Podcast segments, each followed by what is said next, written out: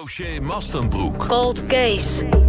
De 57-jarige Israëliër Daniel E. is in hoger beroep vrijgesproken van de moord op Miriam Sharon in 1990, waarvoor het Openbaar Ministerie eerder al 14 jaar had geëist.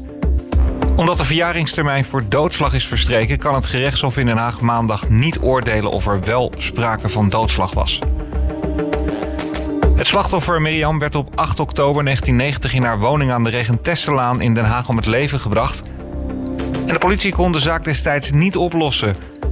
Maar het Haagse cold case team kreeg E in een hernieuwd onderzoek als verdachte in beeld. Hij zou speciaal naar Nederland zijn gereisd om Sharon te doden.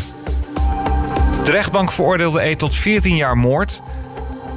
14 jaar voor moord, herstel. Het OM wilde dat het Hof dit vonnis bevestigde, maar het Hof kan niet vaststellen of er sprake is geweest van voorbedachte raden.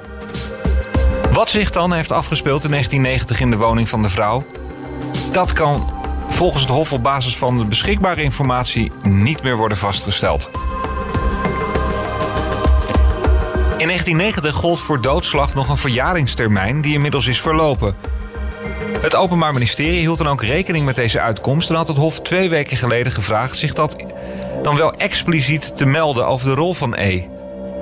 Justitie deed dit verzoek in het belang van de kinderen van Miriam Sharon, voor wie bovenop het verdriet van hun moeder nog immer de vraag leeft wie er verantwoordelijk is voor haar dood. Maar het Hof komt niet aan de wens van de nabestaanden tegemoet.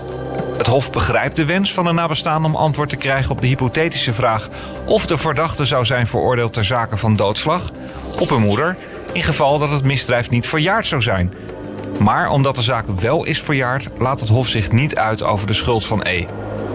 Het Hof stelde in, 19, uh, sorry, in 2019 E op vrije voeten, omdat er op dat moment niet genoeg aanwijzingen voor moord waren. Nou, toch wel een dompert, 14 jaar geëist en uiteindelijk vrijspraak in die Haagse cold case zaak Miriam Sharon. Martijn Mastenbroek.